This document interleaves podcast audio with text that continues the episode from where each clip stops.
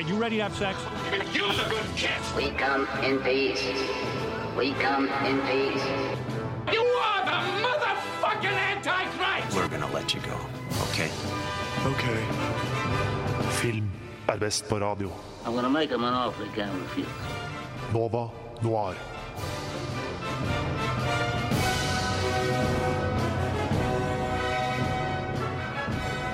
God morgen til deg som lever etter studentenes døgnrytme, og god formiddag til deg som ikke gjør det.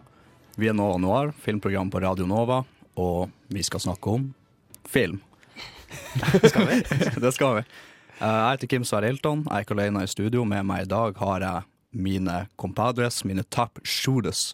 Sondre Keus Lind, Ludvig Verndal Viltil og Javad Ben Hamo på teknikk. Og senere blir vi å få Ina Sletten på besøk. Uh, la oss starte litt rolig, gutter, på denne torsdagsmorgenen. Hva har dere sett siden sist? Ja. Du kan begynne, Sondre. Jeg har faktisk sett jævla mye siden sist. Uh, rett og slett fordi at jeg uh, har kjeda meg veldig mange kvelder, så jeg har gått på en litt sånn Netflix-binge. Uh, det jeg kanskje vil trekke frem, uh, annet enn alt det søppelet som Netflix produserer sjøl Jeg klarte å Jeg måtte se Ibiza. Ibiza? Ja, den var forferdelig. Herregud, ikke se den. Nå dreier jeg bare ja. Ja, ja, nei, men det er en sånn der film med sånn der tre jenter som eh, Eller sånn der nesten middelaldrende dame som drar til Ibiza og fester litt vilt og bla, bla, bla. Herregud, jeg holdt på å kvele meg sjøl. men så fant jeg noe bra òg, og det var en film fra 2010 som heter Flipped. Eh, som handler om eh, to, to kids, liksom, der han ene kommer til nabolaget, og så forelsker nabojenta seg i han med én gang, og så følger du dem opp igjen hele veien til high school, og litt sånn fram og tilbake. og han vil på en, måte, på en måte aldri ha henne før det kommer til et visst punkt der han flipper, da. Eh, og vil ha henne, men da vil ikke hun ha han lenger. Og bla, bla. Og det var en sykt fin film. Jeg tror jeg grein sånn her seks ganger i løpet av den. Jeg vet ikke om jeg har fått øh, liksom synka opp. Jeg bor jo med tre jenter, så jeg vet ikke om jeg har synka mensen min med dem, eller noe sånt der. Men altså, fy faen. Det var emosjonelt, altså.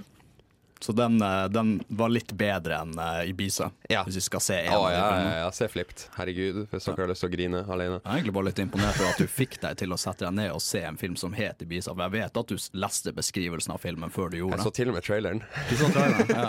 Jeg tenkte bare ja, ja. Du tenkte det her, det blir, det blir en hel aften. Så jeg kan bare kaste vekk to timer av livet mitt. Jeg er jo ikke gammel nok allerede. Right. right. Ja ja, det er en bombshell, ass. Ludvig, har du sett noe kult? Eh, jeg har vært innom eh, godeste Adam Sandler. Ja.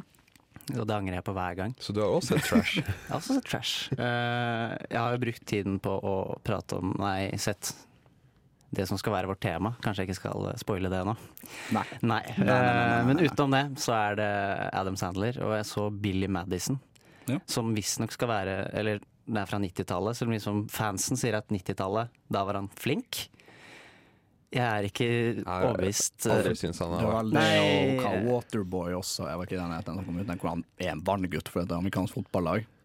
Jo, kanskje. Jeg, jeg er ikke rutt på hans jeg tror, det, er- jeg tror det er legit bare én film eh, fra Adam Sandler som jeg har syntes har vært bra, og det er den der Klikk.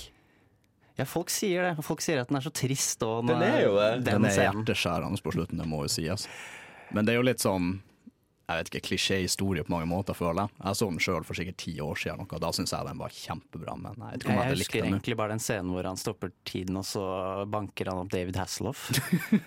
Ikonisk. ikonisk, om ikke noe. Okay. Ja, øh, ikonisk. øh, Jeg syns i hvert fall han er øh, ikonisk dårlig. I, ikonisk trash. Ja, det er han, altså. Det er vel det som er konsensusen om den Ja. stakkars mannen der. Men han holder en penger for det, òg. Ja, folk ser ser jo det. Folk sluker det. Det er Ja. det som er problemet. Ja, Det er konsumentenes feil. Så, eh, så vi, har blitt, uh, vi har ikke blitt overbevist om Adam Sandler eller enda. Nei, jeg vet ikke om jeg noen gang blir det. Sjøl har ikke jeg sett på veldig mye. Uh, jeg har sett på videre på Better Call Saul, Breaking Bad spin-offen. Den serien har kommet nye episoder. Jeg føler ikke det er en spin-off lenger. Jeg føler egentlig det er mer, nesten blitt sånn standalone. Ja, det, det det, er seg- det er jo nesten bedre enn uh, Breaking Bad var. Ja, med strek under nesten, kanskje. Nesten, ja. Men uh, det er blitt en veldig bra serie alene. Har tatt seg veldig opp de siste sesongene. Akkurat som jeg følte Breaking Bad også trengte å gjøre. Mm. Gå en sesong eller to, og så begynner de å få skikkelig grep på, grep på bakken. Dette har vi jo kranglet om før, at eh, det er et problem når du må se masse sesonger. Jeg er bare sånn å, du burde se på den serien, men, eh, men sesong to og tre er litt treg, da, så du må bare vente til sesong fire også. Bare da, det, da det virkelig tar seg opp. Ja. Ja, det, Må bare presse deg igjen av 24 timer med dritt. Jeg er litt konflikta om akkurat det der, men jeg tror det er en diskusjon vi tar for en annen gang. For først så skal vi ta og spille litt rolig musikk. Du hørte på The Bird av Anderson Park, som er en av mine favorittartister for øyeblikket. Eh, men det er verken her eller der, fordi gutta, vi har starta denne sendinga forholdsvis rolig. Så jeg tenker at vi, eh, vi girer opp litt nå og avslører dagens tema.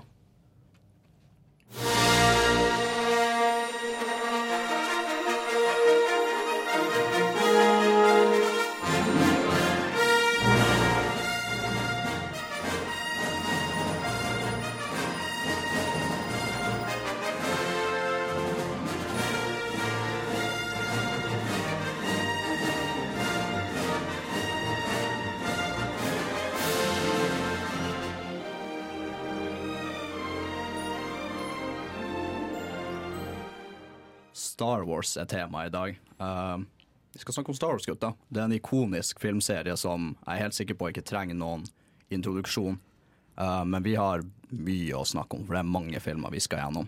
Nesten litt for mange, etter min mening. nå. Nesten litt for mange. Uh, en god del høydepunkt, en god del lavpunkt også. Vi blir vel å røre inn på det senere. Uh, men vi kan begynne med hva forholdet vårt til Star Wars er. Ludvig, har du lyst til å begynne? Ja, eh, jeg har alltid e egentlig hatt et ganske sånn eh, Hva kan man kalle det? Nøytralt forhold til Star Wars. Ja. Jeg har hatt en del venner som er ganske fans, så jeg har jo sett alle. Med dem, som regel. Um, jeg verken elsker eller hater det, men syns det til tider er veldig kult. Hvis det er skikkelig kult. Og noe uh, Og hvis det er skikkelig dårlig, så er det skikkelig dårlig. Ja. jeg, har noen, jeg har jo en liste over En mental liste over hvem jeg syns er dårligst og hvem jeg syns er best. Ja. Uh, Men det kommer vel litt tilbake til. Men det er egentlig mitt forhold til Star Wars. Jeg blir vel den midt imellom-typen i gruppa her, kanskje. et avslappa forhold til det. For jeg har egentlig følelsen at enten er sånn at Enten har du ikke sett det eller ikke bryr deg om Star Wars, og da er du egentlig bare lei av hele greia fordi det er så stort, det er på en måte overalt. Eller så er du veldig, veldig glad i det. Sondre, er du Jeg er fan minus. fan minus? Ja, fordi at uh, det har kommet til det punktet der at nå er de litt sånn sånn jeg orker ikke å se dem flere ganger. Nær, nærmest på, eh, på lik linje med liksom 'Ringenes herre' og Harry Potter-filmene, og sånn der, så er det kommet til det punktet der hvis, du virk, hvis jeg virkelig er sånn her Faen, hva skal vi se for noe? Å ja, vi ser en eller annen Star Wars-film. Men når jeg vokste opp, da, så var det jo eh, Var det jo dritkult. Uh, siden jeg håper å si eh, fikk uh, vokst opp med de prequelsene, liksom. Eh, som vi skal touche innom. Um, så da var jeg jo dritfan og syntes det var dritkult og kjøpte masse Lego knytta til det. Og har de ennå bygd hjemme i barndomshjemmet mitt. Men- slave for kapitalismen i tidlig alder, altså. ja, ja, herregud, Disney hadde meg, eller, ja, det var, hadde meg rett rundt eh, lille, lillefingeren fra en tidlig alder, liksom. Ja, ja. Nei, sjøl så tror jeg jeg er litt, litt i uh, hva skal jeg si, høyre enden av spektrum. Jeg er vel litt sånn fan pluss, egentlig. Uh, hadde ikke noe sånn særlig forhold til det som unge, egentlig. Jeg så jo de gamle filmene, originaltrilogien, men som unge så verdsetter du kanskje ikke det så veldig mye. Det vel litt typ sånn at du bare sitter og venter på at de skal begynne å slåss med Ja, jeg, så, sånn. jeg så ikke dem før jeg var liksom uh, oppe i tenårene, liksom. Ja. Det, det var de, de prequelsene jeg så først, og det var dem som var Star Wars for meg fram til jeg bare sånn Å ja, det var flere. Ja, jeg, jeg tror Phantom Menace, den første i prequelsene, som da blir episode én, uh, det er vel den jeg har sett flest ganger. Vi snakker sikkert sånn tosifra antall Men du så ikke den da du var liten, da den kom? Jo, da jeg var liten. Og da igjen så vet du at det blir Når du bare sitter og venter på uh, lightsaber Ja, fights Det er sånn nesten stødige sånn ikke, La oss si at det kanskje er sånn et kvarter med lightsaber fights, eller liksom action i hele filmen, og resten er mer Prating. prating. Politikk og historien og hva jeg skal si, Som du ikke skjønner en dritt av når du er fire. Ja, du sitter bare og venter. Så jeg var litt, sånn, jeg var litt lunken til det, men sant, jeg syns jo action var superkult som, som kid. da. Den aller første jeg så, var eh, episode tre, da den kom på kino. Mm. Jeg husker ikke helt når den kom, men jeg var vel 13-12-13. Jeg elsker episode 3, Altså. Den er, Ja, den den den er, er ganske kul. Den er ekstremt underholdende, men den også blir vi å komme tilbake til. Uh, ja, ok, Så litt sånn godt og blanda forhold til Star Wars. Vi dekker vel litt sånn forskjellige ender av spekteret. Ja, ja. Eh, Du, du på toppen, jeg, jeg litt under, og du den nøytrale på Det er ingen, ingen haters her, da? Det er ingen haters her. Jeg, jeg tviler på at teknikeren vår hater Star Wars, så er det, vi får liksom ikke hele spekteret her. ja. Ja, men da Da er vi der. Er vi, der. Eh, vi skal gå gjennom de forskjellige stadiene av Star Wars-filmer, de forskjellige trilogiene, og ikke minst Disney-oppkjøpet når vi kommer tilbake.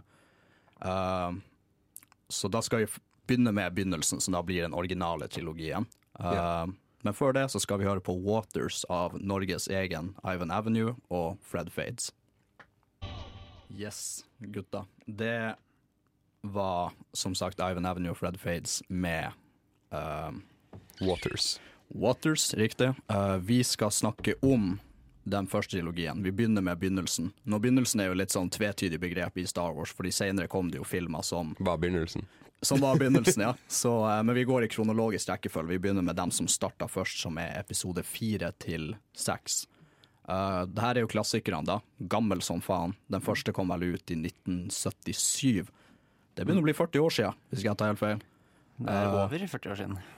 Ja, det er over 40 år siden, så er såpass oppdatert. jeg. Eh, og vi ble jo da introdusert i et helt nytt univers, ganske bokstavelig talt. Eh, det sies jo at George Lucas tok en ganske stor risiko med eh, episode fire av New Hope. Eh, budsjett på ca. 10 millioner. Jeg tror ikke det var veldig mye finansiert av noe filmstudio. Eh, helt kjapt om filmen. I korte trekk en ung mann som vokser opp på en ørkenplanet og snubler over en gammel munk og et par roboter, og ender opp med å ta del i en opprørerkamp mot det onde imperiet som styrer galaksen. Og på den veien så finner han ut at han har til dels magiske krefter og er veldig flink til å slåss med uh, lightsabers. da. Um, men ja, de aller fleste hadde vel ikke noe sånn særlig tro på at denne filmen kom til å bli en suksess. De aller fleste som på en måte fikk se filmen før den kom ut, dem som sto Lucas nært. Så spørsmålet mitt til dere er, gutta, da. Scenario. Dere sitter i et mørkt rom.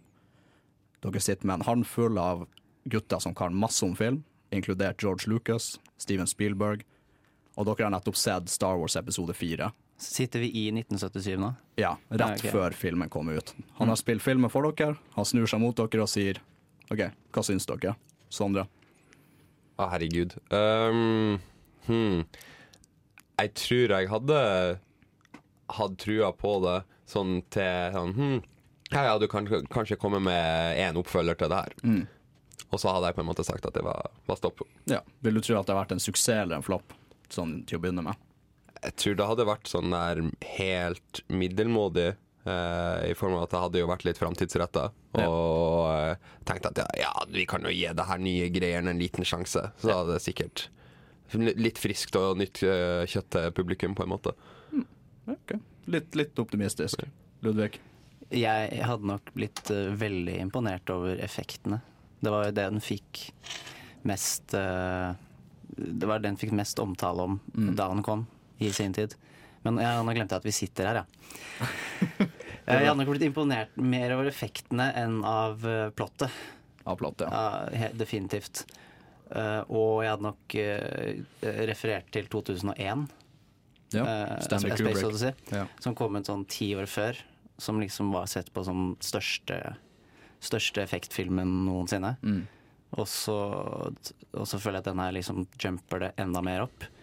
Uh, men har et mye mer lettbeint uh, Den går til et bredere publikum. Oh, ja, ja, herregud. Ja, det er ikke en sånn eh, analyse-Kubrick-film. Det er kinofilm. riktig. Litt mer også en jeg, blockbuster. eh, ja. Og så har jeg definitivt tenkt at dette er noe du må Hvis vi skal tenke økonomisk, så må du satse på kinopublikummet, for dette kommer ikke til å bli sånn like bra på hjemmevideo. Nei. Hvis det var en greie i 1977. Det, det er jeg Ja, ikke helt det, sikker på. da ville Jeg tror det. Det må jeg ikke be, be, Betamax-teiper eller noe sånne der ting. Ja, det kan hende. før VHS sin tid, til og med, tror jeg. Jeg er nok den i studio som er lengst unna 1977, her, så jeg vet ikke om jeg er den rette til å uttale meg om det. Uh, men så dere er litt Dere er egentlig ganske optimistiske, eller relativt optimistiske begge to, til at jeg kunne blitt en suksess. Jeg hadde nok eh, vært det da, i, etterpå, eh, i etterpåklokskap. Ja. Ja, for det her skjedde faktisk. Uh, det her var faktisk et scenario.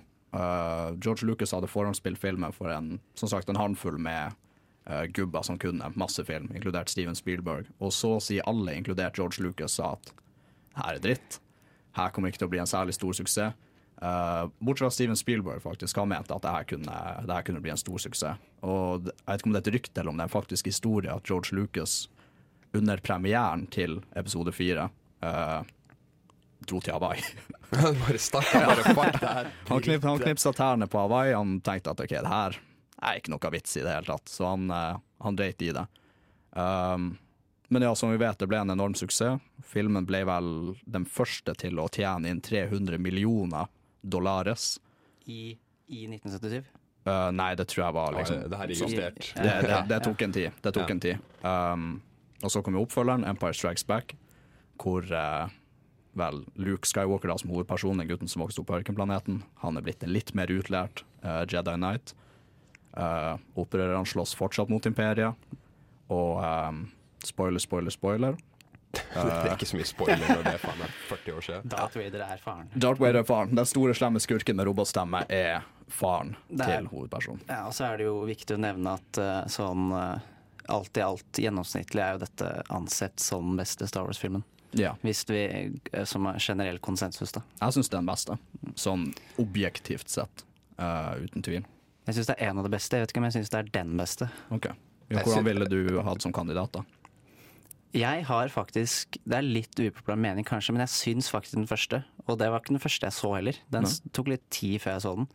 Men det var bare et eller annet med Jeg husker ikke hva det var engang. Jeg. jeg kan ikke helt sette fingeren på det. Det er veldig dumt som uh, analytiker og anmelder, men eh, Nei, men det er bare et eller annet med den. Nostalgi er Kanskje at uh, du vet litt at det var den første, Mm. og at det er litt historisk. Det kan ligge noe der.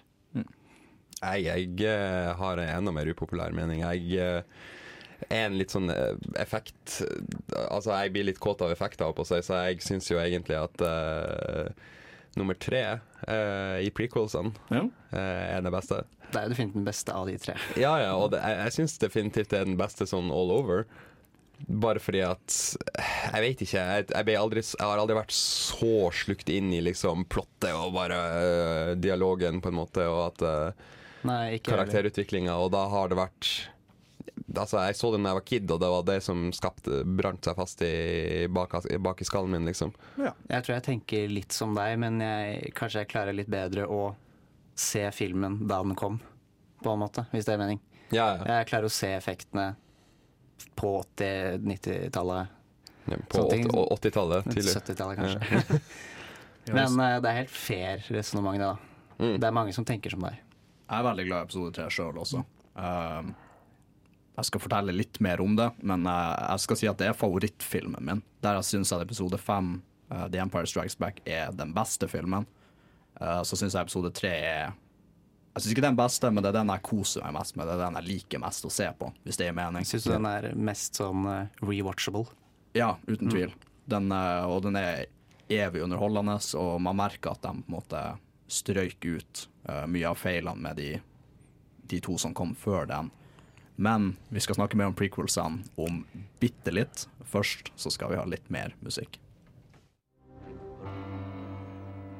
Og det var And You Will Know Us By The Trail of Dead. Det er en munnfull, uh, men sangen er Festival Thime. Um, vi skal bevege oss fra den hva jeg skal si, elskverdige originale trilogien til det som mange vil referere til som den stygge andungen i Star Wars-sagaen, og det er prequelsene.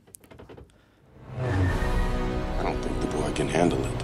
I don't trust him. twisted by the dark side young Skywalker has become.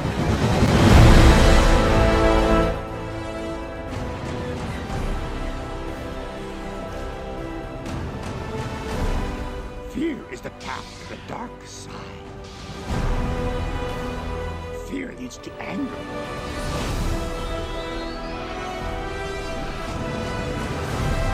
Anger leads to hate. Hate leads to suffering.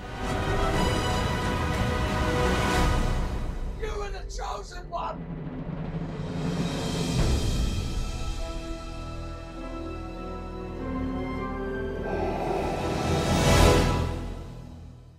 Dramatisk, dramatisk, dramatisk. Uh, prequelsene til den originale trilogien, eller handlinga i dem, finner sted som de aller fleste prequels før den originale handlinga. Eh, de forteller hovedsakelig historien om Anakin, eller Darth Vader, og hans reise fra ung mann til ond mekanisk halvrobot. Um, og i samme slengen da så er det som alltid et opprør eller en borgerkrig i galaksen, uh, og mørke hva skal jeg si, mørke, Sprer seg. mørke sprer seg. Det er mørke krefter som jobber innad i den eh, republikken, den gode republikken, eller hva jeg skal kalle den, the good guys, uh, som jobber for å undergrave dem. Um, og det er jo mange som ikke er så veldig fan av prequelsene. Helt ærlig, det er bare snobberi. Snobberi. Ja. Litt sånn nerdesnobberi. Ja, det er det. Nerdelitisme. Mm. Ok, Hvorfor sier du det? Fordi at det er underholdende filmer. Jeg skjønner ikke hvorfor folk skal være sånn Nei, men de mest gamle var best. Det er ikke det originale Star Wars. Det, altså, hold kjeften på deg. Det, du blir fortsatt underholdt. Hva er det? det eneste som er dårlig med sånn genuint shit med prequelsene, eh, er jo eh, Jar Jar Binks. Absolutt. Ut, utenom det så er det jo genuint OK pluss-filmer. Men andre kritikker som på en måte blir retta mot den, er nummer én overbruk av CGI. Det, var, det, det tror jeg helt ærlig bare kom som en konsekvens av tida. At det var på en måte da CGI faktisk begynte Det var litt sånn der barnesykdommer og Ja, for det ser litt Alle skulle ha det. plastikkaktig ut, på en måte. I er hvert liksom, hvert fall den første av dem. litt over the top. Ja, jeg tror det er bare det som gjør at folk bare sutter over det. Men hadde det kommet nå, nå når CGI ser nesten mer virkelig ut enn virkeligheten, Ja. så hadde det vært noe annet, tror jeg. Da tror jeg ikke folk hadde grinet så mye over det. Ok. Men da, det siste poenget jeg vil trekke frem, da. Dialogen i noen av filmene, spesielt episode to. Hvor Hayden Christensen kommer inn. Ja, og jeg vet, ikke om det er han som er, jeg vet ikke om det er han som er en, en dårlig skuespiller, eller om han har fått et ræva manus, eller begge. Jeg tror, jeg tror det er kanskje begge. Ja, litt begge. I er hvert fall i episode to. mye av det, og så har man hørt at George Lucas også hadde litt sånn tvilsomme hva skal jeg si, regissørinstrukser. Ja, Da- fordi han, Det er viktig å nevne at han regisserte de her tre selv. Ja. For det var jo han regisserte jo bare den første forrige, i de originale. Mm. Så han kanskje han ble litt sånn eh, Litt høy på seg selv. Vi Og kan- skulle gjøre alt selv. Vi kan jo ta og illustrere egentlig litt uh, den her dialogen, uh, hvor vi har ett klipp fra episode to med Hayden Christensen som Anakin Skywalker. I don't like sand. It's coarse and rough and irritating, and it gets everywhere. Not like here. Here everything is soft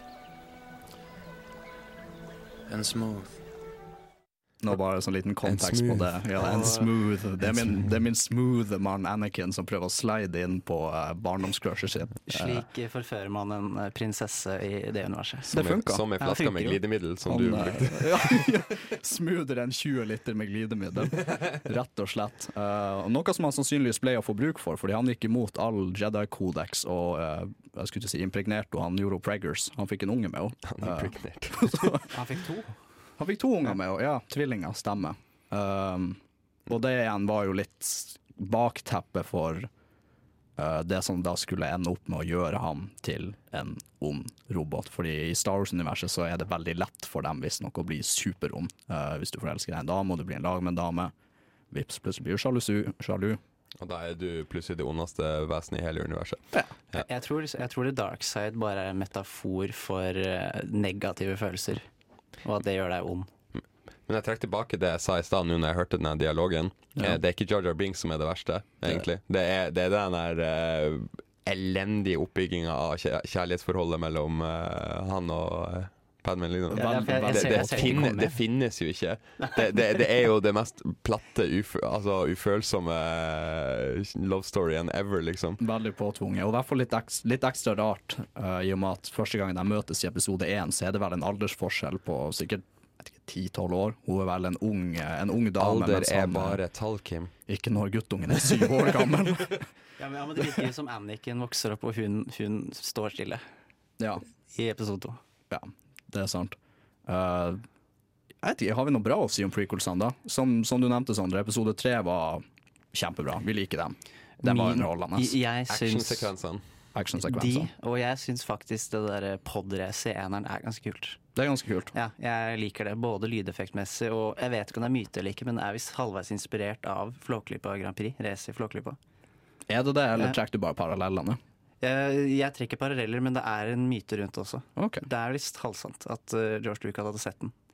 Just, For det er, noen, det, er, det, er, det er noen tekniske likheter ved det. Det er at de, det er at de belager seg på lydeffekter, og at det ikke er musikk og sånn. Ja, for Norge har vel eh, Norge har vel en fot innafor Star Wars-universet på den måten, hvis det, den myten der er sann? Jeg skal eh, lete det opp litt nøyere. Ja. Men man kan trekke paralleller uansett, for det ligner litt. Det også. Og en liten fun fact. I um, episode fem så er det en scene hvor Luke Skywalker Nå går vi tilbake til originaltrilogien, men Luke Skywalker bare uh, vandrer målløst og på kanten til liv og død ute i et, et øde vinterlandskap, en snøstorm. Uh, og den scenen ble filma med at de bare sparka Mark Hamill ut av hotellet i Norge uh, i en snøstorm og ba han gå. Mens de rulla kamera bak resepsjonsdøra. Er, er det det som er filmet på Rondane? Um, det var noe på F, tror jeg. Det kan være Rondane. Jeg tror ja, det er et eller annet sted i Telemark eller noe sånt, i hvert fall, Mm. om vinteren. Kaldt som faen var det i hvert fall, Ja, det det. Uh, om man skal tro historien. Uh, ja, OK, Det er, jo det, det er jo det Norge er godt for, da. Spille inn vinterscener i filmer. Ja, det er det Ja. vi bruker. Ja, det er egentlig ikke så jævla mye annet vi blir brukt til. Og inntil nylig også Trollveggen med Mission Impossible. Uh, Ja. Så vi har, det. vi har mye natur som vi kan bruke. Snø og fjorder. Snø og fjorder som vi kan bruke i sceneri på filmer. Uh, OK, så vi liker um, Hvordan syns dere er verst og best av de tre filmene? Én av to av tre? Tre er best, to er verst. Enig. Ja. Jeg tror jeg er Ja, jeg er egentlig enig. Jeg tror faktisk jeg vil gå så langt som å si at toa er den dårligste. Ja, jeg syns det, av alle. Men det er mest bare fordi at den Den er litt filler. Den er, den er ikke så Den drar ikke historier og bygger opp til de originale på noe spesiell stor måte, liksom. Ja. Den bare er der. Og var en liten cash grab eh, sånn halvveis eh, i George Lucas sitt uh, egotrippa, og der han ville fortelle ei historie. Men jeg syns også man merker spesielt i episode tre at de har hjerna ut mye av det folk klagde på i episode én og to. Eh, for eksempel har Jar Jar Binks en mye mindre rolle i de andre filmene. Eh, Er han med i det hele tatt? Jo da, han dukker opp. Faktisk så er det Det var egentlig han som indirekte styrte universet, eller republikken, fordi det er han som uh, foretar, som kommer med forslag om å gjøre uh, han chancellor Palpatine, da, om å gi han uh, nødkrefter, sånne totale krefter, i den krisetida, da. Og det blir jo vedtatt, da. Og han ender jo opp Så han er egentlig geniet som redder alt. Som redder alt. Nei, ikke redda alt. Nei, eh, redda alt. Fuck off. Så styrte alt. Med det. Ja, ikke bare var han kanskje, er han kanskje den mest forhatte karakteren i universet bare pga. personligheten sin, uh, men også som sagt indirekte den som styrta hele den Men hva- originale republikken. Men bør vi egentlig hate så mye på han? Fordi at hva hadde Jo, egentlig ja. ja. men hva hadde egentlig eh, filmene vært uten det memet i etterkant? Bedre. Hadde det det? Ja, jeg vil si det. Hadde det, det hadde vært så mye mindre content på internett. Eh, hadde det ikke vært for eh, han. Altså sånn irriterende som jeg syns i det minste at de kunne kutta litt ned på screentimen hans. Og spesielt episode én er han jo så å si en hovedkarakter, nesten. Han er jo overalt. Han er jo der hele tida. Han er en litt sånn faila comic relief. Ja, Ja, altså, jeg føler jeg Han er altså, verken comic eller relief. Så Han bare er der. Ja, de, bare- Jeg tror de har prøvd å få en sånn motvekt til C3PO eller noe sånt. der ja, for de to er jo tullete nok allerede. Ja. Altså R2D2 og han. Ja. Du trenger ikke en tredjemann. litt sånn, kanskje litt sånn lavthengende frukt å um, gjøre narr av den uh, mest universelt forhatte karakteren i hele filmuniverset. Men hei, der, der er vi på en torsdagsmorgen. Uh, men gutta, vi har dekka nå egentlig hele seks filmer, og vi har enda en god del flere som vi skal gjennom. Um, men før vi kommer til de filmene, så skal vi ta en aldri så liten pause fra galaksen langt, langt borte eh, for å høre på Undo av Transviolet. Yes, Da skal vi som sagt ta en liten pause fra galaksen langt, langt borte. Fordi Ina, du har vært og sett på film. Ja, jeg har vært på sett den svenske filmen 'Amatører', Ja. som er eh, en ny film fra Gabriela Picher, som tar sted i en liten by i Sverige som heter La Force. Eh, og de ja, typisk liten by hvor det ikke skjer så mye. Det er en veldig sånn industriby. Og plutselig da, så får de tilbud om å eh, det er en tysk eh, kjede som vurderer å investere i, eh, investere i byen da, og sette opp noen fabrikker der. Um, men det er liksom mellom deres by og en annen by, og så tenker de sånn Shit, hvordan skal vi gjøre dette, hvordan skal vi vinne dette uh, tilbudet, da? Så de bestemmer seg for å lage en reklamefilm og, om byen sånn. Se så vakkert det er her, se så koselig det er. Type ting. Og først så spør de uh, masse ungdommer om de har lyst til å lage film, for de tenker vi trenger noe nyskapende. ikke sant? Men eh, de blir jo veldig dårlige, fordi ingen tar det seriøst. Så de høyer inn en profesjonell, da. Eh, og, men samtidig som de hyrer inn profesjonelle, så følger vi to jenter som fortsetter med det filmprosjektet, da, fordi de blir litt snurt over at deres film ikke ble valgt. Og denne filmen den handler egentlig om um, klasseforskjeller. Og eh, hvordan en liten by kan bli påvirket av innvandring og globalisering. For det er en svensk by hvor det plutselig har kommet folk med forskjellige etnisiteter og forskjellige kulturer inn. og jeg tror det, det virker veldig hyggelig, men bak fasaden så er det nok mye stigma og uh, stereotyper som uh, de blir møtt med. Så det er mye sånn dypere tema. For jeg så traileren til noe inntrykk jeg satt hjemme var ok, det her er en feel good-film som handler om å lage film. Men det er mer til det enn det. Ja, altså det er det som er uh, den filmen Det jeg syns var litt vanskelig med den, var at den kanskje ikke gikk dypt nok. Eh, for det er en koselig film. Jeg koser meg masse. Jeg syns den er kjempehyggelig. Og det skjer Nei, den er Du får bare sett det fellesskapet som er i den lille byen, da. Men i løpet av filmen så får du sånne små innblikk. da i, Du bare sånne små kommentarer. For eksempel en scene hvor uh, en av hovedpersonene, som heter Mosse han skulle egentlig være sånn frontfiguren i den, nei, i, i den reklamevideoen. Hvor han liksom skal introdusere La Force. og Se så fint det er her. Men så sier liksom han som lager filmen bare sånn ja, Du representerer jo på en måte ikke denne byen her, da. For du er, representerer jo ikke svensker. Nei. Men han er jo svensk, selv Ja. om han liksom er eh, mørk i huden. da. Uh, så, men bare sånne, sånne små stikk da, får du gjennom filmen. Så det er egentlig en ganske sånn realistisk eh, film på en måte at den viser hvordan hverdagen er da, for mange minoriteter. Mm. Du, den er, men den er også veldig hyggelig og veldig fin, og veldig mye håndholdt kamera. Så den, den er veldig sånn Amatør har et veldig godt ord for filmen. For den, det, alt er veldig lettvint og øh, ja, øh, nybegynner og det er Nei, den er Det blir litt søt. mer ekte på den måten, liksom. Ja. Du føler, og det som er litt jeg har, øh, Etterpå skal vi høre et øh, intervju jeg hadde med regissøren og skuespilleren, øh, en av skuespillerne, Fredrik Dahl, om filmen. Og det er faktisk veldig interessant at hun sa at omtrent 98% av casten er ferske skuespillere. De har aldri vært med i film før. Blant annet Mosse, som heter Fredrik Dahl. Da.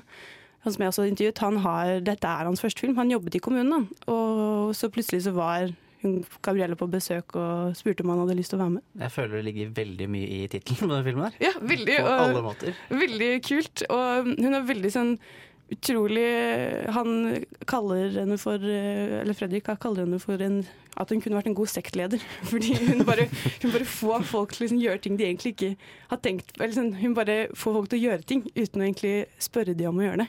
Og det er veldig fascinerende. og veldig men en god film som bare reflekterer litt over hvordan Sverige har det i dag. Da. eh, I, Svenske tilstander. Mm, absolutt. Så jeg, ja. Typen en dramakomedie med forskjellige lag, da. Ja. Ja. Veldig rørende og en utrolig Bare en koselig film. Så hvis, hvis du har ikke har noe å gjøre på en søndag, liksom, absolutt se den. Ja. Den er kjempefin. Hvis du skal gi den en Radio Nova-score fra én til ti Jeg har tenkt litt på det, for jeg syns det var litt vanskelig å gi den en ordentlig karakter. For den er, samtidig som den er veldig fin, så er den veldig enkel, og jeg savnet det at den ikke gikk litt dypere. Mm. Så jeg vil gi den en seks av ti. En seks av ti. Ja. Så det er absolutt sebar. Ja ja, kjør på. Ja. Neimen da, eh, da som du sa, du skal uh, Vi har et intervju som du har gjort, av Gabrielle Pichet, som er regissøren, og Fredrik Dahl. Og så må jeg beklage litt, fordi dette ble tatt opp på, i en lobby på en, et hotell. Så det er litt sånn bakgrunnsstøy. Og beklager til dere som ikke forstår svensk, fordi det Ja. Jeg vet det er flere her som ikke kanskje helt er gode på det. Men veldig gøy intervju. De var så søte begge to. Ja.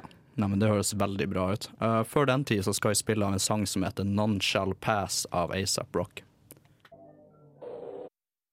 Amatører er en svensk ny film som kommer til norske kinoer nå på fredag. Filmen handler om La Force, en liten bygd i Sverige som skal lage en reklamevideo, slik at et tysk selskap skal bli interesserte i å investere i fabrikkene de besitter. I løpet av filmen skildres de ulike klasseforskjellene og stigmaene man møter i en liten bygd som nylig har blitt rørt av globalisering. Jeg fikk heldigvis muligheten til å snakke litt med regissøren Gabriella Picher om hvorfor hun valgte å fortelle akkurat denne historien. Det är någonting med Sverige idag som är eh, lite... Ja, men det, det är någon liten krock eller kollision mellan en föreställning av vad Sverige är för land och, och hur det ser ut i verkligheten. Eh, också vilka bilder man vill gärna ge av sig själv och hur det faktiskt ser ut. Eh, och det var något vi tyckte var så intressant, jag och manusförfattaren, eller han som skrev tillsammans med mig, Jonas Hassan Khemiri. Eh, så vi började tänka hur kan vi berätta om det temat eh, men i en liten mikrokosmos och med mycket humor. Eh, så då bestämde vi oss för att vi kokar ner det till Lafors, en, en liten landsby som eh, har haft väldigt mycket här, industri inom, de har tillverkat skinn och läder och kläder. Men eh, tiden är annorlunda nu. Eh, företag flyttar till låglöneländer och gör där istället, eh, tillverkar där. Men, eh, men landsbyn måste gå vidare. Med vilken identitet då? Eh, och då vill den här kommunen göra reklam för sig. Och det är väldigt vanligt i Sverige eh, att just kommuner gör små reklamfilmer om sig själva. Och de är ganska kul att titta på. Sammen med Picher fikk jeg også møte Fredrik Dahl, som spiller en av de sentrale karakterene i Amatører. Skuespilleren, eller kan jeg egentlig kalle han det? Amatører er nemlig Dahls aller første film, og han syns selv at det blir vanskelig å svare på hvordan han defineres. Det har jo blitt annorlunda nå, når man har fått være med i en film. Hade jeg sagt til meg selv for tre år siden at jeg skulle få komme til Oslo og bli intervjuad och rad for at jeg har vært i en film. Ja. Det hadde vært veldig rart. Hadde Hade hadde jeg fått frågan, om noen hadde spurt om ett år så kommer du eh, jobbe på NASA. Eller du kommer ha en av huvudrollerna i en fyrfaldigt Guldbaggebelönad regissörs film. Då hade jag sagt det måste vara att jag jobbar på NASA för jag läser illustrerad vetenskap. Jag hade ingen koppling till skådespeleri. Men, så, så det har varit att krypa ner i ett kaninhål och så vaknat upp i underlandet och så sitter man här och blir intervjuad av dig. Liksom. Ja, men hvordan fikk du jobben? Eller besøkte du Jo, det var så här Gabriella eh, kom och sökte en liten ort att spela in sin nästa film. Och eh, jag jobbade på kommunen, så jag jobbar på en liten kommun i Sverige. Så jag jobbar väldigt nära Lafors liksom. Eh, men då så eh, fick jag frågan om att visa runt dem och jag tänkte jättekul, vad roligt att vi får göra en film i vår lilla kommun. Och så visade jag runt Gabriella. Sen kom en fråga några månader senare så sa de att du skulle du kunna tänka dig att ha en liten roll i filmen. Och då vet jag att jag tyckte att det var häftigt. Jag ringde till mamma och pappa och sa jeg har blivit erbjuden kanske en liten roll. Men de ville att jag åker in till Göteborg och provfilmar. Och så åkte jag in till Göteborg och så, eh, så, så var det jätte... Alltså två stycken skådespelare som jag fick spela mot. Jag fick spela att min mamma hade dött. Jag fick spela att jag skulle stöta på en kollega. Jag fick massa scener och det tog en hel dag. Så tänkte jag att det är inte konstigt att eh, filmbranschen är i kris. Liksom. För bartender nummer tre ska... vara- Att jag, alltså, en så liten roll skulle ta så lång tid. Ja. Men sen så fick jag samtal och sa att det var en av huvudrollerna och då var det, det var ju helt absurt. Liksom. Det är som Kafka vaknar upp och så er man en skalbagge helt plötsligt. Picher kjennetegnes med at hun ofte velger personer uten tidligere erfaring i filmene sine. Ifølge hun selv er omtrent 98% av karakterene ferske skuespillere. Vi vill ju ha ganska bred spridning på människor och eh, jag känner väl att, alltid känt när jag började göra film att den, jag kommer från arbetarklass eh, med två eh, utländska föräldrar, jag är uppvuxen på landsbygd. Eh, jag, jag kände väl att det fanns inte så många filmer där folk pratade och var eller såg ut som eh, de människor jag växte upp med eller hade runt omkring mig. Så det har alltid varit en väldigt viktig drivkraft för mig att eh, därför vill jag också att eh, många, många olika slags människor ska få plats i mina filmer och eh, jag är beredd att och fightas för dem och beredd att, att boosta dem med mycket självförtroende för att de ska våga ta steget. För första reaktionen är nästan alltid nej, ta inte mig, ta någon annan. Jag är för ful, jag, jag är för gammal, jag, jag, jag kan inte spela. Eh, och den reaktionen är så himla... Den bara sporrar mig ännu mer. För då, då säger jag bara så här, nej du, du är skitbra, det är bara du som kan göra det. Eh, och så får man liksom jobba för det. Er det noen spesielle grep du tar for å liksom presse folk ut i ja, precis. Pistol, kniv. nei, nei, men, nei, men det er nog at jeg jag... Oftast er det ju att man fastnar lite för varandra. Alltså när jag träffade Fredrik um, första gången så var det ju, ja men han har säkert berättat, det var ju när han skulle visa oss runt i, i landsbyn han eh, bodde i. Och då känner man ju ofta om man tycker om en person eller inte står ut med den. Men om man tycker om den eller tänker så här, fan eh, det här kan jag tänka mig att jobba åtta veckor på en filminspelning där det är stress, där det är... alltså jag kan, jag kan stå ut med det. Då, då är man ju beredd att satsa ganska mycket. I løpet av filmen får vi se en rekke situasjoner hvor flere av karakterene opplever en form for forskjellsbehandling eller kommentar pga. utseendet. Det fikk meg til å lure. En film som bruker såpass mange ferske skuespillere, må vel også dra mye inspirasjon fra egne erfaringer? Liknende. men jeg tror alle som er litt mørke, kjenner igjen den typen av fråga. Så vart är du ifrån? Och så säger man, men jag är från Sverige eller Svenljunga eller vart jag är. Och då säger de, men vart är du från egentligen? Liksom. Det finns en följdfråga där. Och just den här, jag tycker det är en jättebra scen med vår självbild.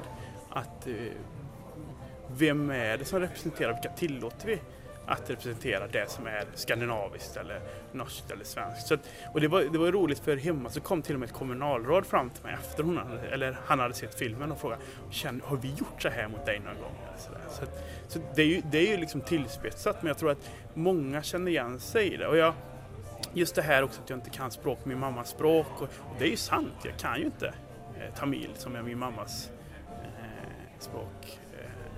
Och, och den, det har ju mött reaktioner på filmen av väldigt många, det är ju liksom landsbygdsperspektiv, men väldigt många också från andra generationens invandrare som, från städer som kommer fram och tycker att, att det har berört dem, liksom, att de känner sig eh, att vi tar upp saker i filmen som de tycker är relevanta.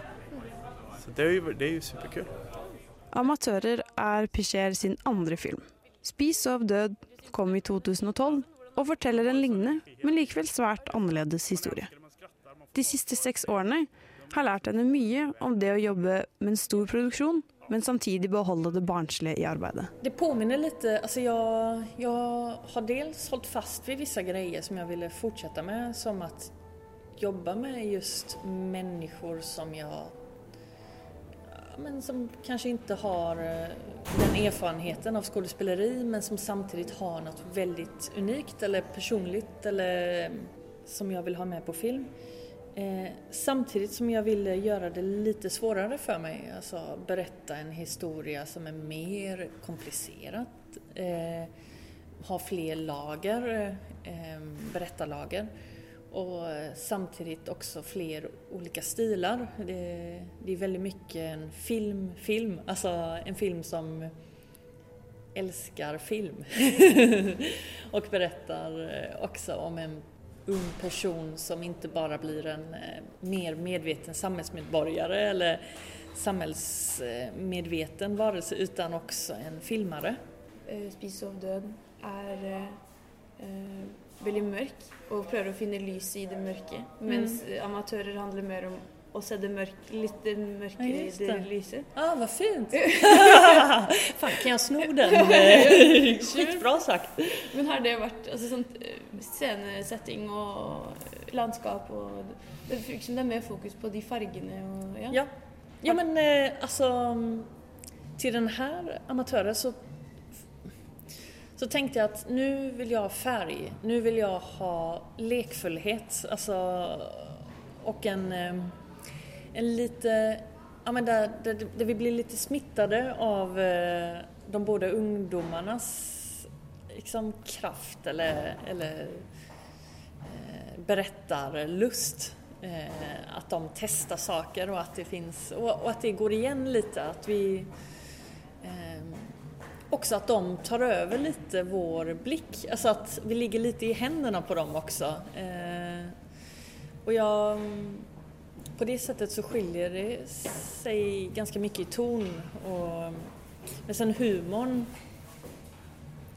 är väl alltid något som följer mig på något sätt. Att jag, en, alltså det, kan, det kan vara tungt för karaktärerna eller det kan vara lite, de kan få motstånd men det finns också en humor samtidigt. Så det är väl det som är det som följer med, skulle jag säga. Och Gabby är fantastisk liksom. Hon, är, hon skulle vara en bra sektledare. Hon skulle starta en sekt, Gabby. Tror jag. Karismatisk. Ja, nej, men hon är inte så här, du vet, hon får en att göra saker som man inte vet att... Genom, att- hon är så här, grymt nyfiken hela tiden. Jag tänker att det är en fantastisk ledarstil att fråga folk hela tiden och få dem att göra det man vill genom att vara nyfiken och aldrig egentligen säga till någon att det här ska du göra. Utan att hela tiden fråga. Jeg Jag vet en gång vi satt, vi skulle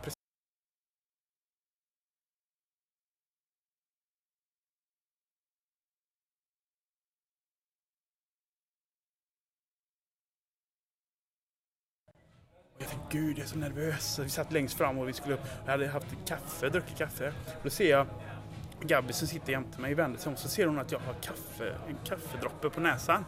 Så frågar hon, varför har du kaffe på näsan? Och hon är nog den enda människan jag vet som skulle fråga, varför har du kaffe på näsan? För hon är så genuint nyfiken. Alla andra hade sagt bara, du, du har kaffe på näsan, torka av det, vi ska upp. Men hon frågar varför har du kaffe på näsan? Och det har jag liksom tänkt på, just det där att hon kan hela tiden, hur skulle du göra här? Kan du inte, hur skulle du tänka? Och så får hon en att göra det. Liksom. Det är en jäkla rolig og bra lederstil, tror jeg. Etter møtet med meg legger Gabriella og Fredrik ut på en liten verdensturné for å promotere den allerede prisvinnende filmen 'Amatører'. Rett før vi sa farvel, reflekterte Fredrik over framtiden hans som skuespiller, og jeg tenkte at det var noen fine ord som jeg føler alle burde ta med seg videre. Jeg vet ikke. Det er så svårt. Jeg fyller 40 før en uke siden. Det er så svårt å definere seg selv. På et sett tror det det er klart at jeg skulle vilja testa igjen om det kommer noen rolig roll eller noe. Men samtidig så träffar jeg många som, som är med i filmen, som är skådespelare, som, som har en passion, en driv att verkligen vilja. Det, har, det här har ju bara hamnat i mitt knä och jag har fått förhålla mig till det. Det är ju super, superkul så det är klart att man vill testa det igen. Men samtidigt så är det ju svårt att bara hänga upp sin tillvaro på och börja jaga någonting. Jag har ju ett rätt stabilt liv och eh, mår bra liksom. Så att, eh, det är fråga, jag vet, jag brottas nog med det lite. Hur mycket ska jag, hur mycket ska jag, för, hur skal jeg tro på at folk syns att det er bra liksom? Så kult. Men tusen takk for at du ville snakke Nei, med meg. Takk, jättekul. Og jeg gleder meg, hvis du fortsetter, så har det vært veldig gøy. Men hvis du ikke, så skjønner jeg også det. Det er jo opportunity for lifetime. Det er jo utrolig Så er det, og det, så er det jo at dette har jo vært en opportunity for lifetime og det får man ikke glemme, tenker jeg. Man får ikke Å, jeg fikk inget mer, ja men da er det enda helt jævla fantastisk. Om det blir noe mer så er det også superkul. Men det blir lett at man bygger opp så här en förväntan på livet som man kanske Alltså kan vara lite skrämmande nästan, men man kanske inte ska ha den. Då kanske man bara blir besviken. Det är så fall, är det någon, är det i den här Josef Hellners moment 22, han som skjuter lerduvor. Han hatar att skjuta lerduvor, men han gör det varje dag för att han vill leva länge liksom. Man ska inte ha förväntningar för då blir man bara, får bara surfa med allt detta, ta in allting, det försöker jag göra. Alla grejer som dyker upp, jag- det är kul som attan att få vara med om det för det kommer ikke aldrig, kanske aldrig kommer hända någonsin igen. Och då är det kul att ha gjort det. Det var Nova Noirs egen Ina Sletten og hennes intervju med et par nøkkelpersoner i den nye svenske dramakomedien Amatører. Um, vi skal fortsette å snakke om Star Wars. uh, komme til de nye Disney-filmene, men først og fremst litt mer musikk. Det her er Too Fast av Sunder.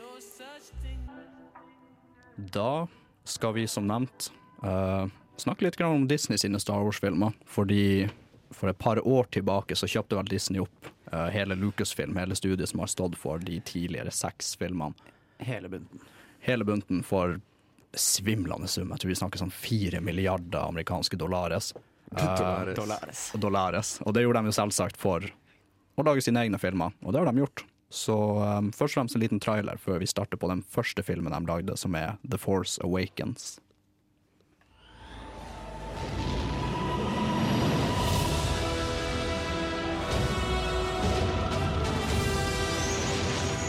The dark side. A Jedi.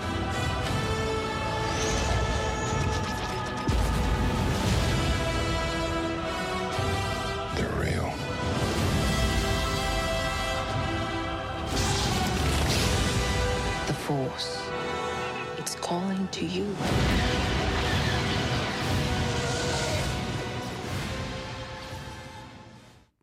Det var The Force Awakens, som sagt. Episode syv i Star Wars-universet, og første gang George Lucas egentlig ikke står for noe særlig av eh, filmskapninga i universet som han sjøl skapte. Han var vel bare en konsulent til den her, mer eller mindre. Ja, mer eller mindre. Ikke regissør. Eh, ikke Han var vel ingenting.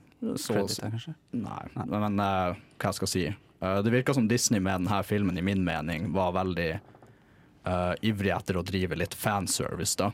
Uh, som sagt, prequelsene ble veldig blanda mottatt, eh, og noe av kritikken mot dem var at de, som Sondre sa, litt sånn nerdelitisme. Det her føltes ikke som Star Wars. Ikke sant? Det var litt sånn der. Eh, så Disney virka ivrig på å gjenopprette det her. Ja, få det til å føles som Star Wars igjen. Mm.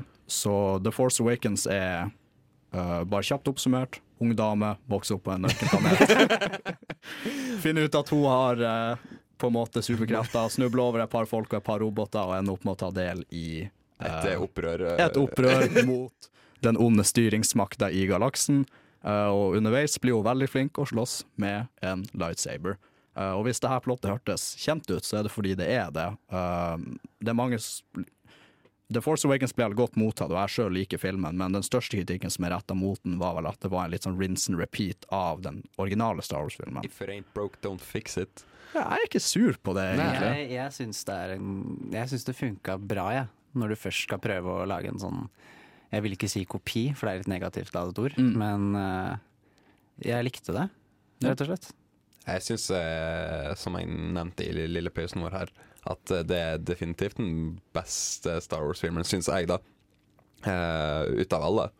Typ best som i Litt som det jeg sier at episode fem er best fordi den quote unquote objektivt den beste filmen, eller fordi det er den du liker best. Det er fordi at det er den jeg liker best. Ja. Genuint. Eh, altså sånn der objektivt Altså da, Jeg føler at med så her store filmunivers så blir det vanskelig å si hva som er objektivt best. Fordi Mm. at eh, jeg personlig Altså sånn der Storyen er jo den samme som i fireren, på en måte, og fireren er jo kjempebra, den òg. Ja. Eh, men den her er jo visuell porno på, og lydmessig og helt fantastisk, og bare sånn Den appellerer så til sansene mine at det er helt sinnssykt. Mm. Eh, og det var, er den avgjørende faktoren for meg, i hvert fall.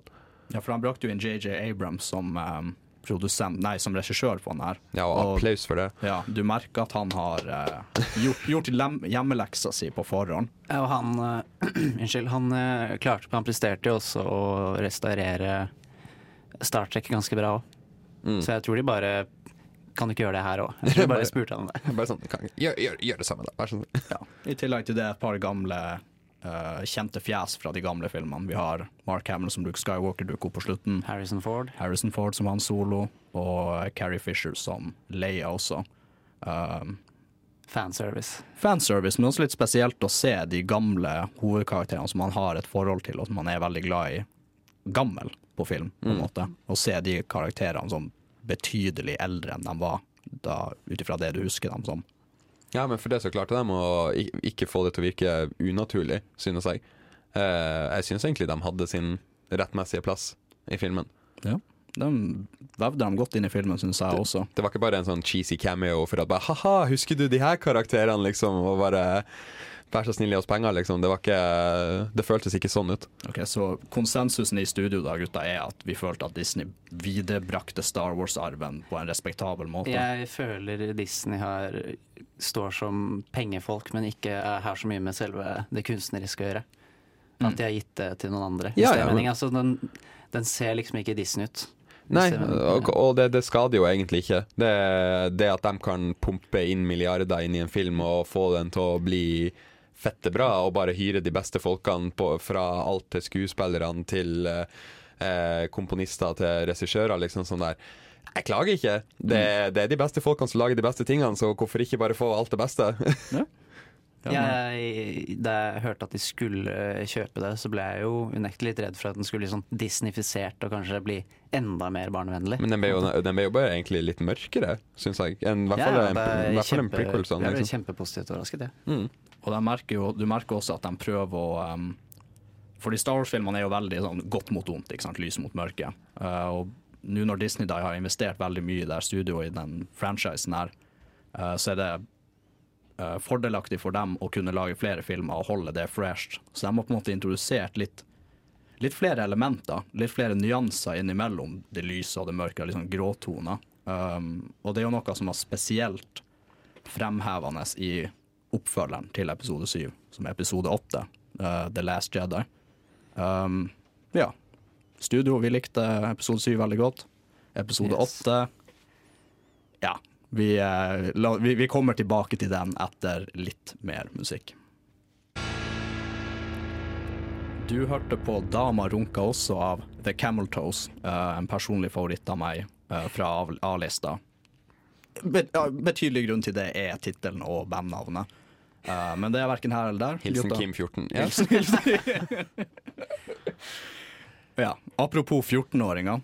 Uh, jeg ser for meg at de satte pris på den filmen vi skal snakke om nå. Uh, The Last Jedi, episode 8. Eh, den finner sted der episode 7 slapp av, og der har hovedpersonen Ray uh, dratt til en øde øy for å finne Luke Skywalker som lever i eksil etter en um, uspesifisert dramatisk hendelse som har fått han til å snu ryggen til hele galaksen og bare si 'motherfuck dere'. Jeg fant en ødøy så langt unna dere som Nå mulig. skal jeg bli her til jeg Her, dør. her skal jeg være, og dere har problemene deres, men jeg gidder ikke å gjøre noe med det. Hun finner han, og hun fortsetter Jedi-treninga si, samtidig som opprørerne er i opprør med den onde styringsmakta. Det skjer. Um, ja. Helt ærlig, det, akkurat den der hele sekvensen med at han er på den øde øya, er litt sutrete. Jeg følte ikke Supersutrete. Ja, Det- det, var, det, var, det, var liksom, det var bare grining. Det var bare sånn der, Jeg likte ikke det, og nei, jeg kan aldri komme tilbake. Ja, Ja. ja, men hvorfor ikke? Nei, jeg bare vil ikke. Ja, men hvorfor ikke? Han, vir han virka som en sutrete gammel bitch, egentlig. Ja, ja, han, han bare sutra hele, hele veien. Ja, men eh, ja, vi skal ikke sutre så altfor mye om den sutringa, for først og fremst har vi en trailer som vi skal spille av. Jeg ble, jeg ble litt revet med av sutringa.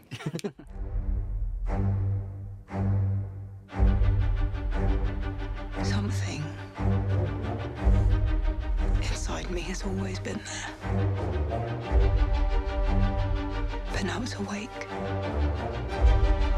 And I need help.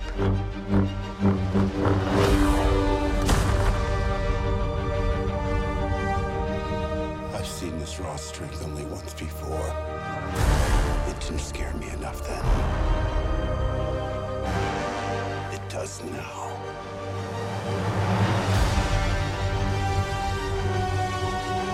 Let the past die.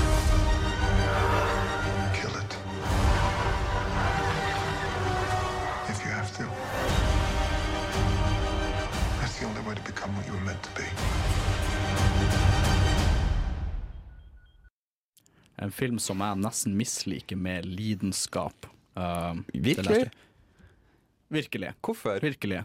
Vel, som du nevnte, den sutringa. Det Ja ja, men utenom det, så altså, jeg, sånn, jeg skal si det her, Mye av det her blir litt sånn abstrakt, litt sånn jeg føler og jeg syns, og ikke minst hvordan forventninger jeg hadde til filmen. Uh, men vi får ikke vite i The Force Awakens hvorfor Luke Skywalker bare har snudd ryggen til hele galaksen. men det er det- greit nok, men de antyder at det er noe stort, ikke sant? At den største liksom, heltegallionsfiguren i hele galaksen bare sier 'motherfuck dere, det her gidder jeg ikke'. Og så, og så kommer liksom til Og så ser vi han, og episode syv avslutter med at han ser bare helt nedbrutt ut. Han ser sliten ut, han ser lei seg ut. Og um, episode åtte, som sagt, Ray går i trening med han, og du tenker at det her skal være en nedbrutt mann. En virkelig knekt mann som faktisk har gjort Bare snudd ryggen til hele galaksen, som nevnt. Men framstilles egentlig som en sutra gammel gubbe. Han gidder ikke mer. Det er litt uh, Han var bare lei. Det er litt uh, sånn uh, allusjoner til Yoda, bare litt mer sutrete. Ja, Yoda hadde i hvert fall sjarm, vil jeg nå si. Det er bare for at han er en liten grønn gnom. Altså. Litt vittig er han jo også, vil jeg si. Ja, det mangler jo faktisk uh, Luke totalt. Altså, Det er ingen vittighet der whatsoever. Det er bare eh, sånn inngrodd bitterhet. Ja, på en måte. Men jeg føler ikke det dro filmen ned til å bli så ræv som du. Oh boy, men ikke bare det. ikke bare det Vi har også The Big Bad Wolf, som er uh, Supreme Leader Snoke.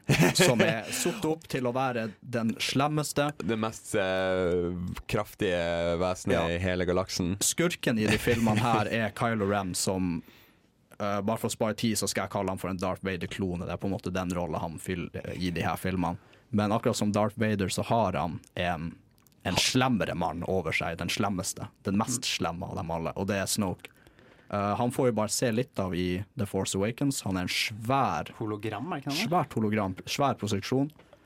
Og uh, vi får se han mer i episode åtte. Og Du igjen- føler hele den sekvensen der var litt antiklimaktisk, uten å spoile det for mye? Ja, igjen, det er litt det liksom jeg forventa, men det, har vært mye, det var mye fanteorier om hva Snow kunne være. At han er en urgammel entitet som er av rein force. En teori var at han var uh, Det her går litt utafor filmene uh, sin canon. Det går litt mer på tegneserier som bakgrunnsinformasjon. Men at det var han som var uh, læremesteren til den opprinnelige Sith-lorden i Star Wars-universet, som er liksom Emperor Palpatine, da. Uh, som visstnok skal ha blitt drept. Uh, men da ikke sant, han overlevde og ble Snoke i stedet for. Jeg, jeg tror Snoke ble litt ødelagt av all den fan, uh, fanteorien. Det er det, ikke sant? Fordi er- jeg vet ikke Så, om det er så det er basically det, da. Det er, det, det er de gamle eh, Star Wars-fansene som bare «Eh, De originale var best, som har ødelagt alt med å lage sånne, sånne store teorier Ja, og- for å få det til å passe Ja, ja, men for å få det til å passe inn i sitt uh, nerdeego og bare sånn Ja, ja, det er sånn her det skal bli, ja. Mm, og så blir det ikke det, og så bare Det var katastrofalt ræv, og bare herregud, nå har de ødelagt Star Wars på nytt igjen. Det er det de egentlig Men nå- de har, som Snoke også har de på en måte Det virker som de har bare klippet og limt han og bare gjort han uh, Det skal jo sies at episode 8 ble regissert av en annen enn den som regisserte episode 7. Det var ikke JJ Abrams som regisserte episode 8. Det var Ryan Johnson, som før det Ja, kanskje var mest kjent for Jurassic World. Som også var litt ræv, ja. Mm, ja, ok, greit. Og det, det merker, syns jeg. Uh, og tilbake til Snoke, jeg skal jo ikke gnikke altfor mye på det, men i episode syv så er det ikke sant, stort hologram, mørk stemme, svart, frynsatt kapp. Ikke sant? Det her er en mørkes fyrste. Episode åtte, Kylo Ren kommer inn. Rommet hans er knallrødt. Han ser ut som han sitter på utstilling i Red Light District og prøver å lokke til seg Og turister. jeg likte det der. Jeg og ikke det- bare det, men Jeg syns det var så visuelt fint. Herregud, hva er du prater så, så du kappa? Altså den gullkappa? Han så ut som en hallik. Han så ut som, han så ut som en arabisk hallik. Sånn der han satt liksom Jeg bare Hva er det her for noe? Og hele screentimen hans var bare at han satt og shit-talka Kylo Ren, og så ble han overraska når Wow, Kylo Ren drepte han! Du har sittet og roasta Kylo Ren i to timer liksom i strekk, og så får Kylo Ren nok å drepe han, og bare Ja. Det Når er det er sagt følelser, Kim. Hæ? Det er mye følelser Ja, det er mye følelser. Jeg er så frustrert på den filmen her. Og det var mange som likte den også, fordi den har god score på IMDb, skal si, og den forholdsvis god kritikk også. Jeg syns Den er pen. Jeg syns den var Ja, altså, jeg syns den var ta- La oss ta plottet, da, for Ja. den var opplagt veldig bra visuelt. Eh, det Problemet mitt er at det er mange sånne scener jeg ikke husker. Jeg husker kanskje bare halvparten av filmen ganske godt. Og den derre rare hvor han Finn og hun dama er på den derre kasinoplaneten. ja, Den- jeg, jeg husker nesten ingenting. Jeg husker det var noen sånne hestedyr. Den, den var litt sånn Jar Jar Binks-aktig, for at den var så Det var jo bare CGI. Alt var litt sånn der Det så ut som de bare Oi, fuck, vi trenger noe litt sånn der halv comic relief-aktig, så vi bare Ja, vi gir det til en eller annen sånn budget-animasjonsfyr, og så bare hacka han det sammen, og bare Ja, der, der, der fikk den plass i, fil i filmen. Egentlig hele storyline til Finn syns jeg var filler. skjønner Finn er ikke en så veldig Nei, jeg, jeg, skjønner, jeg skjønner liksom ikke det. For jeg syns han var ganske kul i første filmen. Mm. Og nå var han redusert til sånn Det var en egen rar greie, som en spin-off inni filmen. Ja. Og den rare svindlerrollen til han der Benicio del Toro. Han bare dukka opp ut av intet i den jævla fengselscella. Og så, sviker han til og med. Ja, hvem hadde trodd? Hvem hadde, hvem hadde trodd at den shadieste, liksom tilfeldige Som du slipper ut av buret. Ja, ja, som bare du deler en fengselscelle med, og som bare gjør liksom hele greia hans at han er en shady jævel. Hvem hadde trodd at han kom til å stikke deg i ryggen? Ja, men hallo, den ble jo satt i fengsel uskyldig. Det kan jo hende at han nå ble det. Han der er ikke mye uskyldig, det kan jeg fortelle deg med en gang. Så du fyren? Han er ikke uskyldig for noe. Kinnet kan bedra. Ikke døm en bok på coveret. Det forstår jeg. Kanskje litt, eh, litt forhåndsdømmende fra min side. Han fylte vel egentlig bare penger, han var vel ikke ond. det var kanskje Sånn, litt, han, var ja, sånn, han var sånn type litt skurkeaktig, altså. Ja. OK. Det er, igjen, jeg er litt sånn lidenskapelig opptatt av Jeg syns denne filmen er dårlig, så jeg kan hende at jeg kommer frem litt uh, Litt, eh, Jeg syns du er for slem. litt biased, litt partisk, Ja. men jeg likte den ikke. Som sagt, det var, det var Snoke, det var Luke Skywalker, det var Finn sin storyline er bare filler, uh, men igjen, tilbake til det der synsing, ikke sant, og alt det der. Eh, Men- men den- filmen greip meg ikke på noe punkt. Jeg jeg likte kampen til slutt. Ja, den siste kampen. Ja, ja, ja. I hvert fall det der med det røde sandtracet når de den der, eh, hva enn de den der poddene var, eh, kjørte over den saltsletta. Sånn der, herregud, altså, jeg har aldri sett en penere scene i en film. Ja, jeg tar tilbake det jeg sa. Der ble jeg grepet. Ja, men det var sånn det. hva de siste ti minuttene av filmen. Ja, men det trenger du noe mer. Ja. Al- altså sånn her- Se de ti minuttene på YouTube. Ja, jeg betaler ikke liksom 150 kroner på kino for å se ti minutter og bare sånn 'Å, det her var en bra film', liksom. Å, det var en bra scene, likte den. Nei, shit au. Men OK. Mine følelser til side. Hva dere syns om filmen? Overall, bare sånn helt kjapt. Jeg ramser vel opp hva jeg syns med at eh, når jeg glemmer såpass mye, Mm. og det er liksom bare et halvt år siden jeg så den, Mm. så da er det et eller annet der som ikke ga meg noe i det hele tatt. Men jeg syns ikke det var dårlig. Det var bare sånn Gikk meg inn i døra og ut andre. Hakket hakke dårligere enn Force Awakens, men uh, ikke så ræv som du prøver å framstille den som. Jeg syns du bare hørtes ut som en sånn nerderunke Mm, OK. Jo. Greit nok, greit nok. Uh, men da, det Sondre var egentlig en veldig god intro til den neste sangen vi skal spille, som er 'Det kunne vært verre'. vi skal ta og kjøle ting litt ned i studioet her, fordi Sondre, du har vært og sett på film i det siste. Ja, jeg var også uh, Leave No Trace, uh, nyeste filmen til Deborah Garnick, som uh, tidligere har uh, regissert eh, Winter's Bone. Ja. Eh, det er en eh, trasig eh, liten film, eh, eller en trist liten film om eh, et eh, far-datter-forhold eh, som, ja, forkaster seg litt, eh, litt videre. her. Vi skal høre en liten trailer først. There's 435 questions. Respond true or false to each question. Who taught you how to read? My dad teaches me. You're actually quite a bit ahead of where you need to be. I wake up rested and peaceful most mornings. True. My day to day life is full of things that keep me interested. True. I have nightmares or troubling dreams. Is your dad in the service? He was. Do you feel safe living with your dad? We didn't need to be rescued. Your dad needs to provide you shelter and a place to live. He did. Far-datter-forhold. Far-datter-forhold. Eh, du har eh, Will, som er faren som er spilt av Ben Foster, og uh, tenåringsdattera hans uh, virker til å være i tidlig tenårene i filmen, uh, som heter Tom, uh, spilt av eh, Thomasin eh, McKenzie, som er Det er vel hennes første seriøse skuesp skuespillerrolle. Ja. Eh, og det, jeg leste i ettertid at eh, det ble sammenligna med Jennifer Lawrence sin uh, Ja, det leste jeg i Winter's Bone. Ja, eh, og helt ærlig, jeg er helt enig. Det um, fantastisk skuespill. Eh, Men eh, litt om plottet, da. Det, vi følger dem, som du kanskje hører i traileren, så hopper det litt inn i, inn i filmen der de, etter de har blitt redda, som eh, quote on quote. Eh, for de har eh, levd eh, off the grid eh, i flere år. Sånn ute i skogen. ute i skogen, forflytta seg rundt omkring i store nas i nasjonalparker og eh, ute i skauen rundt omkring rundt Portland i Oregon i USA.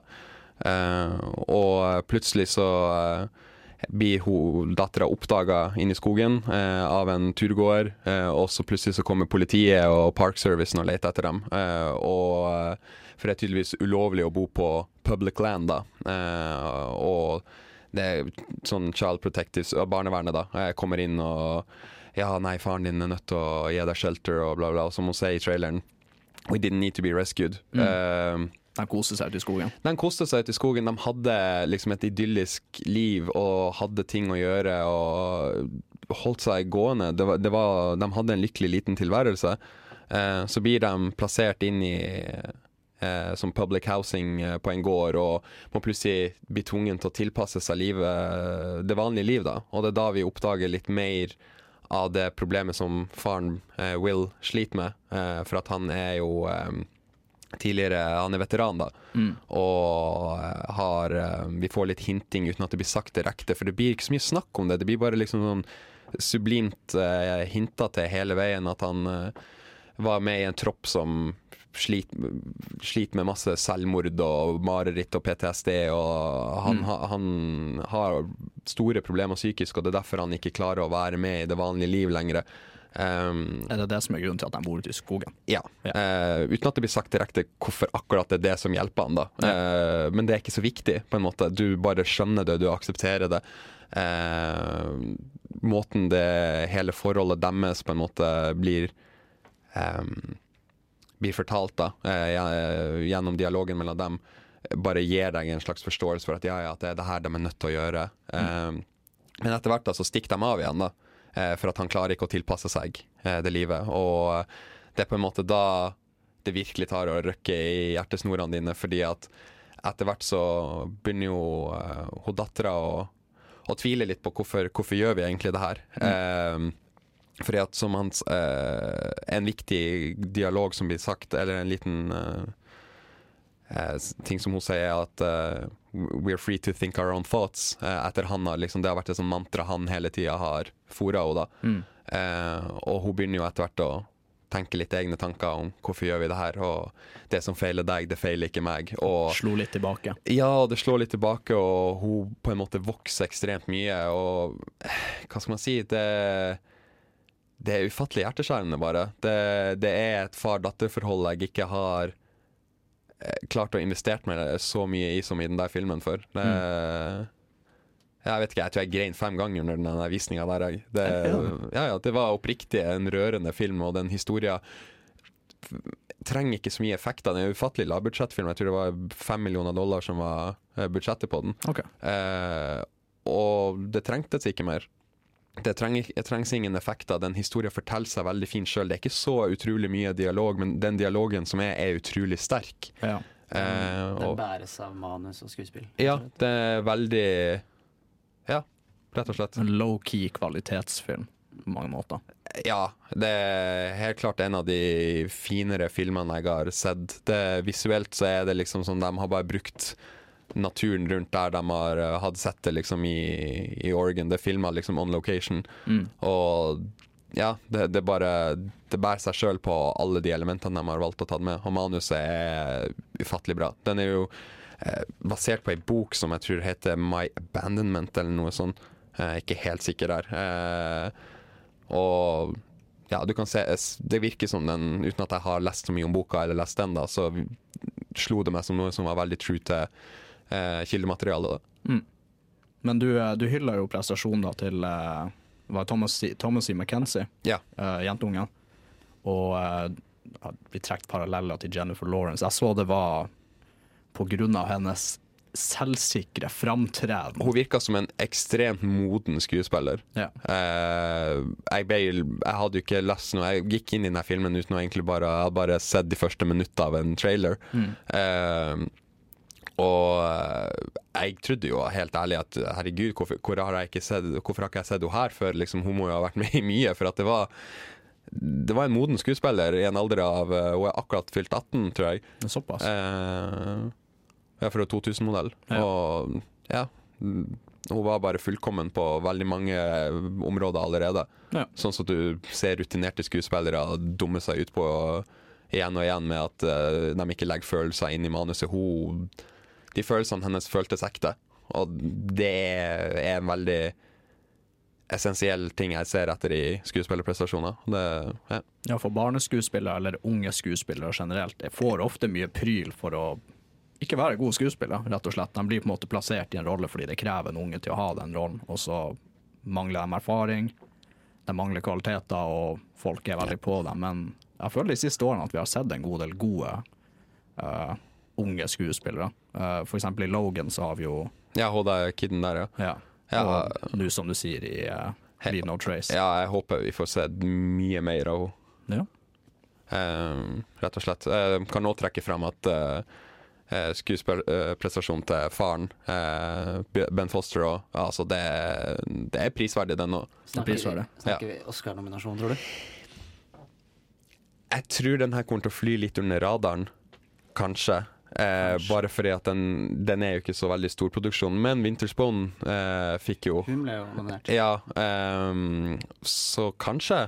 Eh, det, det hadde ikke, jeg hadde ikke blitt uh, sinna om det her hadde vært en Oscar-nominasjon, helt ærlig. Ja, ja, men Det er godt å høre. Så um, forutenom Oscarer, hvis du skal gi din egen score på dem fra 1 til 10 Jeg vil gi den en sterk åtter. En sterk åtter? Ja, helt ærlig. Så det er en film som er absolutt verd å se? Ja. Eh, ikke nødvendigvis dra og se den på kino, men se den i en hva skal man si, mood-setting Derfor at det er en film som spiller på følelsene dine, og det, det må du være forberedt på. Du skal vel ikke være på ditt mest eh, hva kan man kalle det? Ditt mest glade når du ser den, kanskje? Nei, det, det er ikke partymoodet du skal komme inn i. Det er ikke, Det er ikke en vorsfilm å se den. eller Nei, noe. det er det ikke. Nei. Men eh, herregud, du må være forberedt på å rykke i hjertestrengene. En tid og et sted for alt. Uh, og akkurat nå er den tida og det stedet her, og vi skal høre på Palisades av Nick Dorian. Nå Som jeg nevnte tidligere, så ville det jo gi mening for Disney at de kjøpte opp Lucasfilm, og kunne branche ut og på en måte lage filmer og holde det profitabelt. Eh, en av måtene de gjorde det på, var å sette i gang et par spin-offs, og det er vel første gang vi har sett det i Star Wars-universet så langt. Uh, først og fremst var det Rogue One, uh, hvis handling finner sted Nå blir det enda mer forvirrende med timeline, sånn her, men den finner sted mellom episode tre og episode fire. Uh, så det her er etter at Anakin Skywalker er blitt til Darth Vader, men Altså, Rogue One finner vel sted under krigen i slutten av episode seks. Gjør det? Nei, den finner sted før uh, Riste, eh, nå rister teknikken på hodet. Bare ja. den, er, den er nok før uh, Det er før episode fire. Ja, nå er jeg helt ute av loopen her. Mm. Jeg bare vet at jeg liker den. ja, Men det er det. Timelines, fuck det, da. Det er ikke det som er poenget. Ja. Det, Igjen, det blir veldig fort forvirrende med når Ja. du har tosifra antall filmer på. Men uh, jeg er helt enig med deg, som du nevnte. Jeg liker den. Og den spiller veldig på Hvis du liker den originale trilogien, så spiller den veldig mange kort der. For det var jo en film hvor den tok, litt, den tok litt avstand fra Jedi Nights og lasersverdkamper, og heller valgte å sette fokus på uh, opprørerne. De Mm. litt mer mann i gata, da. Mm. Uh, og det funka veldig bra. Ja, det var, altså, sånn hadde jeg egentlig ikke sett Altså sånn her Hadde ikke Star Wars eksistert utenom, så Mm. syns jeg det fremdeles hadde vært en ganske OK film. Altså Det hadde vært en litt hull her og der du ikke hadde på en måte Det ikke hadde vært sånn forklart, da, men hvis du hadde fylt inn det på et eller annet vis, så hadde det fremdeles vært det ganske Ja, den står fint på egne ben. Ja. Ja, for vi har jo, og Spesielt på slutten også, så har vi jo en Darth Vader-scene som er Ja, det var det som solgte meg. frysning. Jeg har sett den sikkert en million ganger på YouTube i ettertid, hvor han bare er i et mørkt rom, låst inne med en håndfull med opprørere, og bare sabler ned hele gjengen Og den musikken som spilles.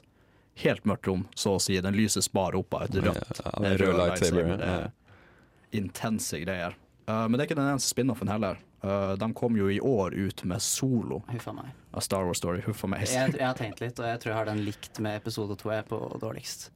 Fordi Likt. den er, det er Du så klarer ikke å velge- Nei, vi prater jo litt om det utenfor eh, dette rommet i stad, men uh, det ser, den ser så spin-off ut.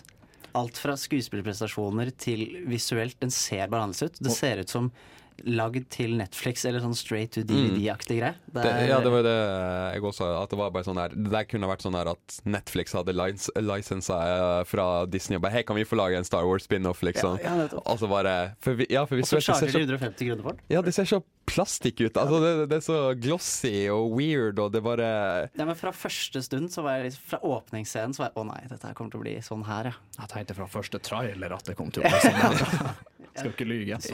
Men historien er jo også helt Sånn som Rogue One knyttes i hvert fall inn imellom et par filmer, men historie, historiemessig så har egentlig ikke den en plass Nei, på det- mange det- måter i universet. Det virker som de bare sånn der Hm, superheltfilmer, de har også sånne origin stories. Kanskje vi òg skal Ja, ja, vi gjør det. Ja, ja, herregud, kjempegod idé. Ja, Ja. se, se hvor mye den filmen tjente. Ja, vi må lage noe sånt i vårt univers. Ja, ja, ja.